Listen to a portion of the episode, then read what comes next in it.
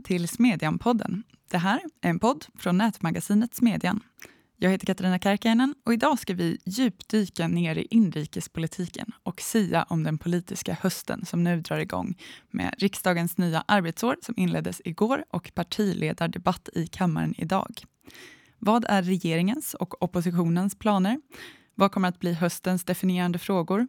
Hur mår partierna så här halvvägs till nästa val? Och vad händer egentligen med Socialdemokraterna och Centerpartiet? Det ska vi prata om idag.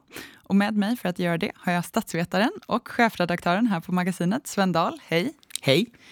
Innan vi drar igång så vill jag passa på att fråga dig om veckans utgivning. Vad finns att läsa på Smedjan för den hugade? Jag tycker en, en text som vi la ut idag som är särskilt intressant är den sista avslutande delen i vår granskning av de kommunala kommunikatörerna. Där vi ställer oss frågan så här, vad beror den framväxten av den här stora gruppen kommunikatörer på? Och vad betyder den för, för relationen mellan medborgare och politik? Väldigt intressant läsning. Sen har vi också en essä av Martin Tunström som ju är bekant för poddens lyssnare som till vardags är redaktör på Barometern i Kalmar som skriver om relationen mellan staten och kommunerna och hur de starka statliga finanserna egentligen har blivit en spegelbild av allt sämre kommunala finanser. Att det skett en väldig övervältring av, av ja, skuldsättning på kommunerna. Sen tycker jag också att det är värt att lyfta fram den, eh, den essä du själv skrev, Katarina, om, eh, om yttrandefrihet och religionsfrihet apropå så här koranbränningen i Malmö. Just det. Också mycket läsvärt. Tre lästips. Med oss för att förstå och sia om den politiska terminen idag så har vi också på länk från Östergötland Vidar Andersson, chefredaktör och vd på Socialdemokratiska Folkbladet. Välkommen! Tusen tack för det! Och Marcus Åsling, politisk redaktör på centerpartistiska Östersunds-Posten. Välkommen! Tjena, tjena! Igår började ju nämligen riksdagens nya arbetsår, riksmötet 2020-2021. Det var en mer begränsad skara ledamöter, statsråd och gäster som samlades i kammaren igår under något sånär ceremoniella former åtminstone. Eh, men kungen förklarade som brukligt riksmötet öppnat på begäran av talmannen och statsminister Stefan Löfven läste upp sin regeringsförklaring. Och där tänkte jag också att vi skulle ta vår början i dagens samtal. En regeringsförklaring lika tom som det var i bänkarna, såg att Norran skrev. Vad tyckte ni om Stefan Löfvens regeringsförklaring? Ja, vad ska man säga vidare? Jag tycker väl att det var en regeringsförklaring enligt, vad ska man säga, konstens alla regler. Det var ex någorlunda exakt vad jag hade förväntat mig före. Eh, varken bättre eller sämre. Eh, det är klart att coronan skulle vara en tyngdpunkt för det hela. Eh, också många eh, klassiska, som man säger, klassisk socialdemokratisk fråga men också invävd av som man januariavtalet. Eh, partiers eh, frågor. Eh. Ja, det tycker jag man kan säga. Jag har ju hört många regeringsförklaringar och det ligger ju i sakens natur. Det brukar vara ett rabblande bara. Men det här var lite mer som ett eh, anförande utav Löfven. Mm. Sådana anföranden som han har hållit många under våren. Alltså med coronan och ansvar och sammanhållning. Och, så, och sen väldigt präglat ska jag säga utav eh, Centerpartiet, Miljöpartiet och även Liberalerna faktiskt. Det mer ovilliga januaripartiet. Ja, men framförallt Östersundspostens läsare vet ju om det att jag kanske inte ser statsministern som någon entertainer när han pratar. Men jag tycker att han gör sig som bäst när han är i den här typen av formella sammanhang, eh, regeringsförklaring till exempel. Där kommer han mer till sin rättvisa ja, eh, som statsman och politiker än exempelvis i en i en tv-debatt eller liknande. Mm. Jo, det, det, är väl inte så konstigt att, eh, vilket också märktes i partiledardebatten idag, att Stefan Löfven verkligen är den av partiledarna som försöker hålla liv i coronakrisen och coronapolitiken. Just för att han är, han är mycket bättre när han på något sätt lyfter sig över den politiska konflikten och mer fungerar som en samlande person, då, fun då fungerar han som politiker. Men något man sällan märker av i tv-radio, jag tycker Löfven är måste jag säga, absolut bäst när han är på golvet. Han var ju i Hissmofors, det är ju klassisk socialdemokratisk mark i, i Jämtland, gammalt bruk, eh, och pratade för socialdemokrater eh, eh, här tidigare. Och jag var där för att lyssna på honom och jag måste säga att jag fick ett helt annat intryck av Löfven som politiker när han är i den typen av sammanhang än, ja, som man annars då ofta tar del av honom via tv. Men själva regeringsförklaringen då, vad tyckte ni framkom i termer av politiska prioriteringar inför det kommande året? Är det januariöverenskommelsen som lyser igenom? Ja, det ska jag väl säga. Alltså det är ju starkt. Eh, Annie Lööf, när hon har kommit igen här nu, hon har ju eh, mer än vanligt betonat då sjukvården liksom som hennes och partiets område som jag fattar Och det var ju, han upprepade två, två gånger alltså sjukvård, det är Centerpartiet, äldreomsorg, det är Socialdemokraternas eh, juvel. Och eh, klimatfrågan, det var ju så att eh, Miljöpartiet fick en lätt spark i baken några gånger där så att de ska fatta att det är det de ska hålla på med om de ska vara kvar. Men det intressanta med det här är ju också att här har vi en situation med en regering som egentligen är satt att beta av ett väldigt långtgående program som är för hela mandatperioden och som just den, givet den lite märkliga konstruktionen med två stödpartier utanför regeringen leder till att eh, det är en ganska begränsad flexibilitet kring prioriteringarna. Så att en del av, så här, en del av, så här, av så här, avbetandet av januariöverenskommelsen leder ju också till den här bilden man får av, av Löfvens regering som ganska frikopplad från, från de samhällsproblem som just nu är stora i debatten eftersom mm. de knappt, knappt ens fanns med i 73-punktsprogrammet. Ja, det är väl en svaghet för att ha den typen av, alltså ett januariavtal eller ett, ett avtal man signerar att eh, ett sådant avtal tar ju inte hänsyn till de samhällsproblem som kommer upp efter att avtalet undertecknas. Och det blir väl i mångt och mycket det stora testet för, eh, för regeringen och samarbetet hur man hanterar corona och kanske i än högre grad det som, alltså post-corona, återuppbyggnaden av Sverige efter det här. Mm. Eh, att man kan hitta en gemensam linje där. Lite på den noten så noterade jag att till och med Aftonbladets ledarsida idag har flyttat lite på sin betoning och skriver om gängvåldet som regeringens ödesfråga. Där skriver Jonna Sima idag att jobben, ekonomin, klimatet och vården är enormt viktigt. Men om känslan av otrygghet och hopplöshet sprider sig i samhället kan det bli riktigt farligt. Håller ni med om den beskrivningen och i vilken utsträckning är det i så fall ett problem för de här överenskommelsepartierna? Det är klart att det är ett jättestort problem. Det, är ju, det här är ju frågor som Socialdemokraterna aldrig riktigt varit bekväma med att, med att prata om. Och, och man har satt sig i ett samarbete som väldigt mycket bygger på helt andra politiska prioriteringar. Så att ju mer vi pratar om, om ja, men gängkriminalitet och problemen kopplade till det, ja, men desto svårare blir det ju för den här regeringen att på något sätt uppfattas som relevant. Mm. Vad säger du Vidar? Jo, Sven har helt rätt naturligtvis och, och det är det som är eh, eh, Ja, det är det som är problemet alltså för en sån här fråga eh, den är väldigt sammansatt och komplex men den upptar ju en allt större del av medborgarnas intressen och, och den är ju alltså utmanande mot samhällsordningen på många sätt. Och det går ju inte att försöka prata om något annat. Alltså att eh, försöka, man bildar ju januariavtalet i stort sett för att se om man kunde hålla den här frågan borta och hålla SD borta. Och säga det går inte. Och nu har ju Löfven hamnat i en konstig position där, där han inte kan säga längre det är liksom alla universitet i världen för länge sedan har, har visat på liksom att en misskött invandring in i en välfärdsstat det leder bland annat till, till fattigdom, utanförskap och till kriminalitet av det här slaget och det är där vi sitter nu. Och jag kan inte se hur man ska kunna undgå att ta i det här. Liksom. Och där, där har jag en klockatro på Centerpartiet. Den kanske är överdriven eller naiv, jag vet inte men Centerpartiet för mig det är ett parti som påminner ganska mycket om, eh, om Socialdemokraterna, alltså att man är eh, pragmatiskt, realistiskt när det gäller. Jag tyckte Annie Lööf i eh, riksdagsdebatten idag, jag menar, hon, hon närmar sig de här frågorna på ett vettigt sätt. Hon är ju en politisk stjärna tycker jag faktiskt. Och hon närmar sig de här gängfrågorna, kriminalitetsfrågorna på ett, eh, på ett sätt som antyder att hon kanske kan hjälpa Löfven där. Mm. Nej, men vad var det om Göran Persson? Han hade röd retorik med borgerlig politik eller något sånt där. Det kanske inte var Persson heller. Eh, någon var det, någon socialdemokrat. Eh, roligt tyckte man det var i alla fall när man hörde det. Eh, och lite samma kan man väl säga om Annie Lööf och Centerpartiet idag. Att det är en, en liberal retorik men den i grund och botten vad man säga, kompromissvillig eh, och pragmatisk politik. Att, som Centern har varit historiskt, det är hantverket i sig som är eh, det ledande.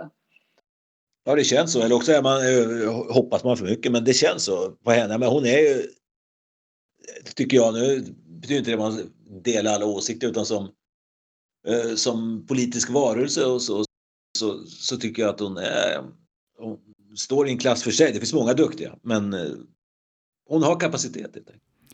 Ja, det där har ju också varit ganska definierande för de senaste dagarna eller veckorna, att Annie Lööf har kommit tillbaka till politiken efter en tids föräldraledighet och partiet har kört ut en ordentligt omfattande kampanj med bilder på Annie Lööf i var och varannan dagstidning för att påminna om det här. Ja, verkligen. Och hon inledde också sin återkomst med en eh, gemensam presskonferens med statsminister Stefan Löfven för ett par dagar sedan, vilket har uppmärksammats mycket, kanske inte framförallt på grund av beskedet att man skjuter till mer pengar till kommunerna, det var väl relativt väntat, utan just att det är de här två som gör det tillsammans. Vad kan ni säga om det här? Hur ska man förstå det? Jag tycker att det är intressant att till det även lägga att något av det första som Annie Lööf gör är att söka konflikt med Moderaterna. Vilket går mm. stick i stäv med de tendenser och de, de tecken man fått inifrån Centerpartiet de senaste, det senaste halvåret. Där det varit ganska tydligt att man sökt öppningar gentemot gentemot de andra borgerliga partierna. Och nu är det som att Annie Lööf verkligen visade för partiorganisationen att det är januarisamarbetet, det är samarbetet med Socialdemokraterna som gäller just nu. Jag tror väl också att det handlar om att pressa Moderaterna som eh, efter Alliansen så är det ju många och kanske, kanske alla borgerliga partier som befinner sig i något form av spagatläge. Ehm, och jag tror att det finns också en intention från Centerpartiet att pressa Moderaterna där på samma sätt som Moderaterna försöker pressa Centerpartiet i, i ett vägval. Så tror att det handlar om att svara med samma, eh, med samma strategi. Det känns som att det har varit den borgerliga kannibalismens eh, huvudrätt så att säga. Jo, jag, jag såg en av, en av era ledarskribentkollegor, Ola Nordebo i Västerbottens-Kuriren, hade i morse en intressant text där han sa så här att ja, det är faktiskt dags att januaripartierna bestämmer sig för att de ska gå till val ihop och erbjuda ett regeringsalternativ. Mm. Nu tror jag inte att det kommer att hända, men det är ändå, det är ändå så här, det, här, det som jag tycker jag har sett från Centerpartiet de senaste, senaste dagarna är ju ändå ett tecken på att åtminstone partiledaren, som ju har en väldigt stark ställning, tänker i de banorna att, att det här samarbetet kanske är mer än en mandatperiod. Ja, på Dagens Industris ledarsida så siades det om att det här är nästa steg mot att Annie Lööf så småningom ska bli vice statsminister. Nej, jag tänkte att ur, ur Socialdemokraternas eh, perspektiv så så är det här ett, jag tror, ganska allvarligt försök för att se om eh, en sån här eh, center-vänster-mitten eh, mm. samarbete, om det kan samla röster och mandat nog för att Löfven, eller vem det nu blir efter nästa val här, återigen ska kunna ro hem statsministerposten till Socialdemokraterna. För jag tror man har gett Sverigedemokraterna och Moderaterna förlorade. Va? Och, det är, det är, alltså, det är en, väldigt riskabel, en väldigt riskabel strategi för Socialdemokraterna. För, för, för, Moderaterna står ju stadigare än på mycket länge skulle jag vilja säga. Och, eh, eh får ju också stöd. Jag läste, eh, DN hade ju en stor undersökning här i måndags om eh, hur de borgerliga väljarna i de olika partierna ser på samarbeten och det verkar vara så att de moderata väljarna i synnerhet, men även andra borgerliga väljare tycker det är dags för maktskifte och kan eh, stå ut med SD. Mm. Som det verkar. Så jag tror han har en ganska stark position. Alltså, men eh, Socialdemokraterna har ju gett upp den sidan. Att, liksom att, att kunna kanske närma sig Sverigedemokraterna de har man ju dömt av som fascister och nazister och alltihopa. Så det är svårt att, att ta dem i hand allt för snabbt. Och, men det ligger hela, eller en stor del av LO ligger alltså i, eh, riskeras här många, väldigt många LO-väljare ifall man ger, ger hela de här frågorna om migration och kriminalitet om man ger det på båten och låter Miljöpartiet bestämma där. Och, ja, det kommer inte bli lätt. Nej. Om vi återgår till eh, frågan. Jag tror att C kommer vilja behålla sin mittenposition, spelteoretiska mittposition ska vi säga, eh, även i valet. Det har ju gynnat partiet väl och har gett dem vad ska man säga, en större...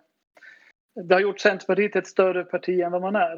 Eh, I, dels i förhandlingarna i januariavtalet där jag skulle säga att C är väl den stora vinnaren hittills av januariavtalet på ett tydligt sätt eh, som kommer fram på ett betydligt tydligare sätt där än vad övriga medlemmar har gjort om man jämför med sin storlek. Eh, men sen så, ja, de signaler man får också är ju att eh, Centerpartisterna är ju nöjd med samarbetet med mm. eh, regeringen. Den har funkat förvånansvärt bra ifrån den socialdemokrati man kände igen. Alltså när, när alliansen bildades så är det ju ett helt annat samarbetsklimat. Och, eh, ja, S, så att säga, Löfven har ju påpekat det gång på gång att Socialdemokraterna vet sin storlek och det, det tycks som att det stämmer i förhandlingarna. Jag undrar också lite på den noten, vad händer med Liberalerna i den här framtiden? Eh, det talas ju mycket mellan varven om att Nyamko Sabuni och hennes partiledning bara väntar på ett tillfälle att hoppa av överenskommelsen. Om Centerpartiet nu tänker bli vänsterns höger, så att säga? Kommer Liberalerna återgå till borgerligheten och bli högerns vänster, som deras ungdomsförbundsordförande uttryckte det, igen? Och finns det i så fall en plats för dem där? Jag skulle säga att det är väl just den nischen som finns tillgänglig för, för Liberalerna.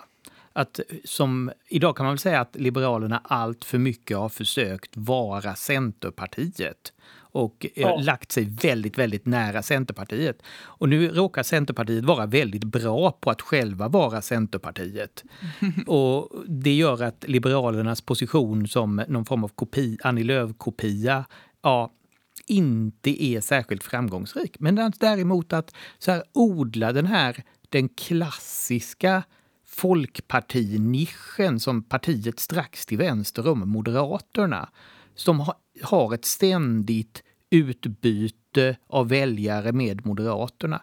Ja, den nischen finns fortfarande, den kan man ta.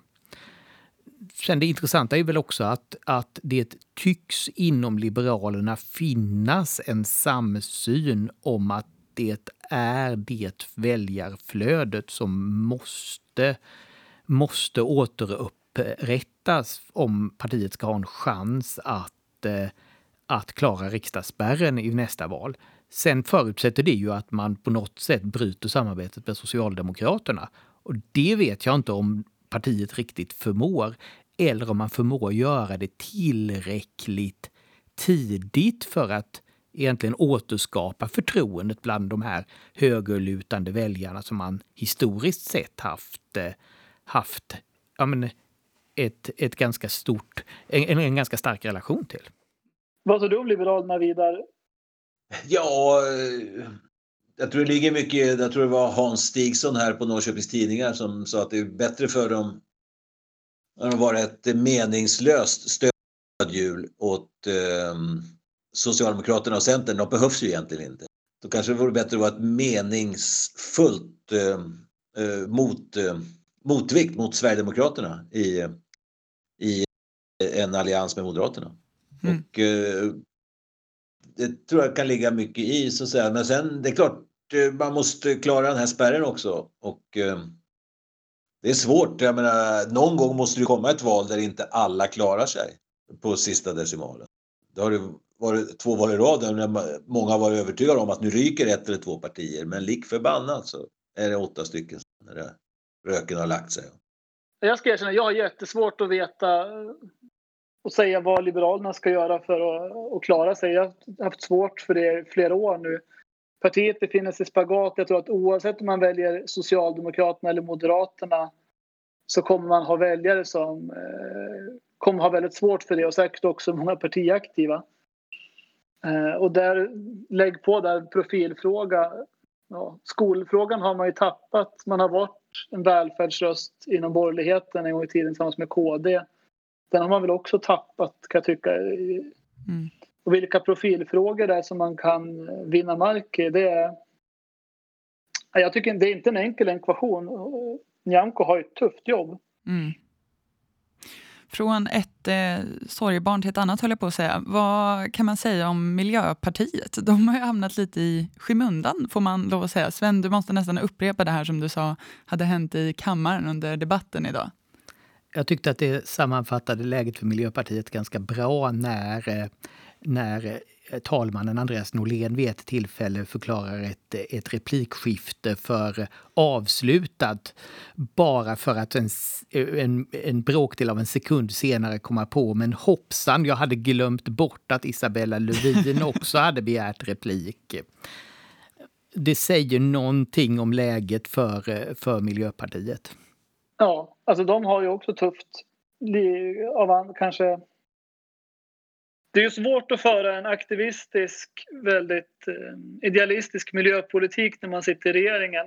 Eh, där tycker väl jag att Isabella Lövin har lyckats bra, men kanske inte så bra på att prata med sina väljare om saken. Eh, Nej. Och hur Miljöpartiet ska överleva i en politisk verklighet där man måste förhandla, jag är svårt att...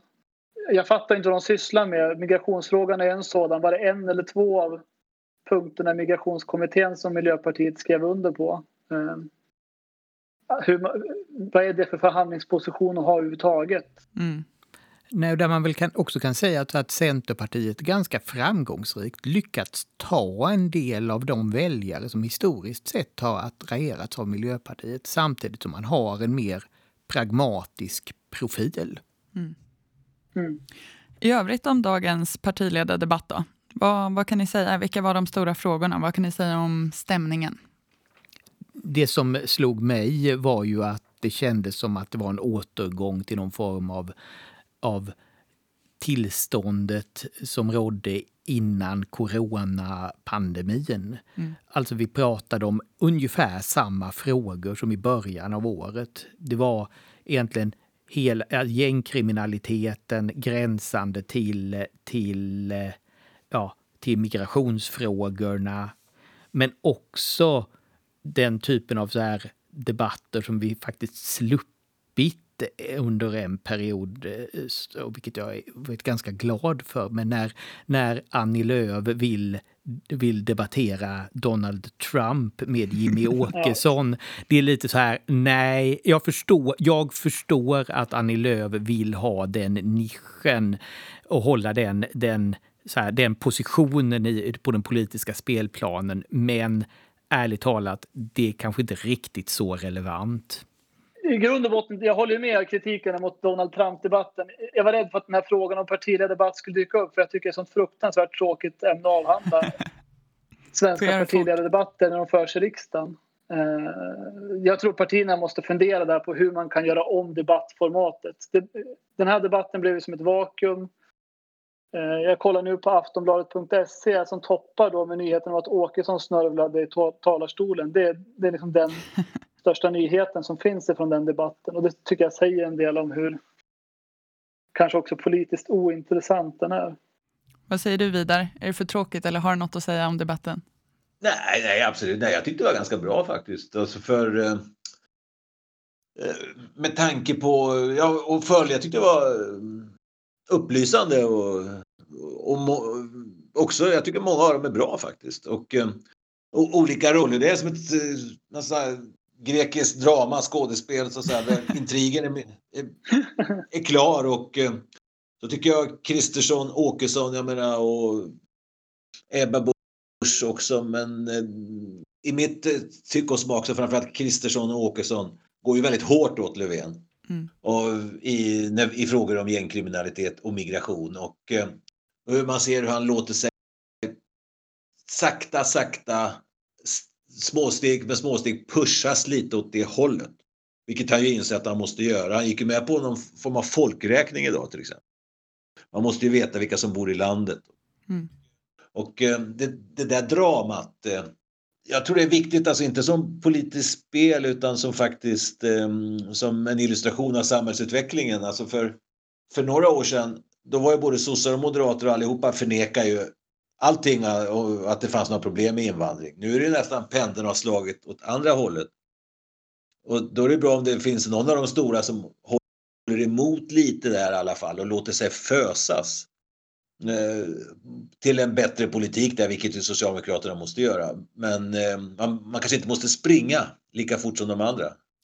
Det man kan konstatera efter debatten är väl att i detta drama så har intrigerna i alla fall kommit tillbaka. Eh, det här speciella läget i politiken med anledning av coronapandemin är över och stridsnivån kommer återigen att öka. Så slutligen så vill jag fråga er, vilka frågor kommer att dominera och vad tycker ni att man ska hålla utkik efter under den här politiska hösten? Jag skulle säga att, att gängkriminaliteten kommer att vara den stora frågan på, ja, under, ja, under hösten. Kanske rent utav att den kommer att prägla nästa valrörelse. Sen är väl den andra intressanta frågan är så här, när får vi se de verkliga ekonomiska effekterna av coronakrisen? När får vi en diskussion om om en ordentlig diskussion om arbetsmarknad och ekonomi utifrån, och utifrån coronakrisen. Den kommer förr eller senare. Och med det kommer ju också en intressant fråga, nämligen hur, hur så här, tanken på att migrationspolitiken skulle kunna gå kopplas fri från frågor om ekonomi och arbetsmarknad. Alltså, den kommer ju försvinna. Alltså att Galtan på något sätt kommer att kollapsa ner i en höger-vänster-konflikt om arbetsmarknad och välfärdspolitik. Att det faktiskt är ganska meningslöst att förespråka en liberal migrationspolitik om man inte har en väldigt tydlig idé om, om hur välfärdspolitiken ska anpassas till det och hur, hur eh, bidragssystemen ska utformas. Mm. Ja, jag är framförallt eh, oroad och eh, djupt oroad över den ekonomiska utvecklingen och hur oerhört svårt många företag, inte minst nu på allvar eh, stora industriföretag. Och jag, jag lever ju och verkar i en sån del av landet vi, vi har mycket industriföretag och, och varslen kommer nu igen. Det såg mm. lite ljusare ut ett tag. Nu kommer varslen igen här och det hänger ju helt ihop med världsmarknaden. Det är inte så mycket man kan göra i Sverige. Okej, vi kan ha, ha korttidspermitteringar, man kan ha stöd. Det är oerhört viktigt att, att stödja fungerande arbeten och, och företag och hjälpa dem att övervintra. Men man kan inte hålla på med det hur länge som helst. Men även om vi hade en låg statsskuld när det hela tiden började så går det fort nu. Alltså det är otroliga summor. Och, eh, arbetslösheten ökar och ah, det där är... Och det ihop med liksom eh, Europas värsta gängkriminalitet, oerhört dödlig. Och jag, menar, jag ser polarisering och risker, risker för ökad rasism och motsättningar. Och det kan bli riktigt otäckt. Alltså, det behövs en otroligt bra politisk ledning för att hålla i detta. Och, jag, är, jag är faktiskt oroad. Jag håller med det ni säger. Jag tycker vi har tagit upp många av de frågorna som man kan förutsätta kommer att vara stora frågor under hösten. Alltså gängkriminalitet, integration, migration Eh, också omstart, ja, vad ska man kalla det, hur man startar om den svenska ekonomin så att säga. Eh, någon, successivt måste man ju gå ifrån att eh, bekämpa coronakrisens eh, effekter här och nu till hur man ska starta om ekonomin och få den på fötter igen. Och det, den diskussionen lär ju komma och är väl delvis redan här. Eh, Svenskt Näringsliv var ju väldigt tidigt ute i den. Mm. Eh, och Handelskammaren Stockholm med sin eh, omstartskommission eh, och så vidare. Mm. På de lite dystra noterna från dagens panelister så får vi lov att runda av och säga att det var allt för idag. Följ gärna Smedjan på Facebook och Twitter så att samtalet kan fortsätta där. Glöm inte heller att gå in på timbro.se smedjan för att ta del av veckans texter. Där hittar ni allt från rättighetsetiken kring bokbränning till kommunkrisens fortsättning när staten lämpar över kostnader och uppgifter till den sista delen i vår reportageserie om hur kommunikatörerna har tagit över politikernas uppgifter. Vi ses där och hörs igen här om en vecka.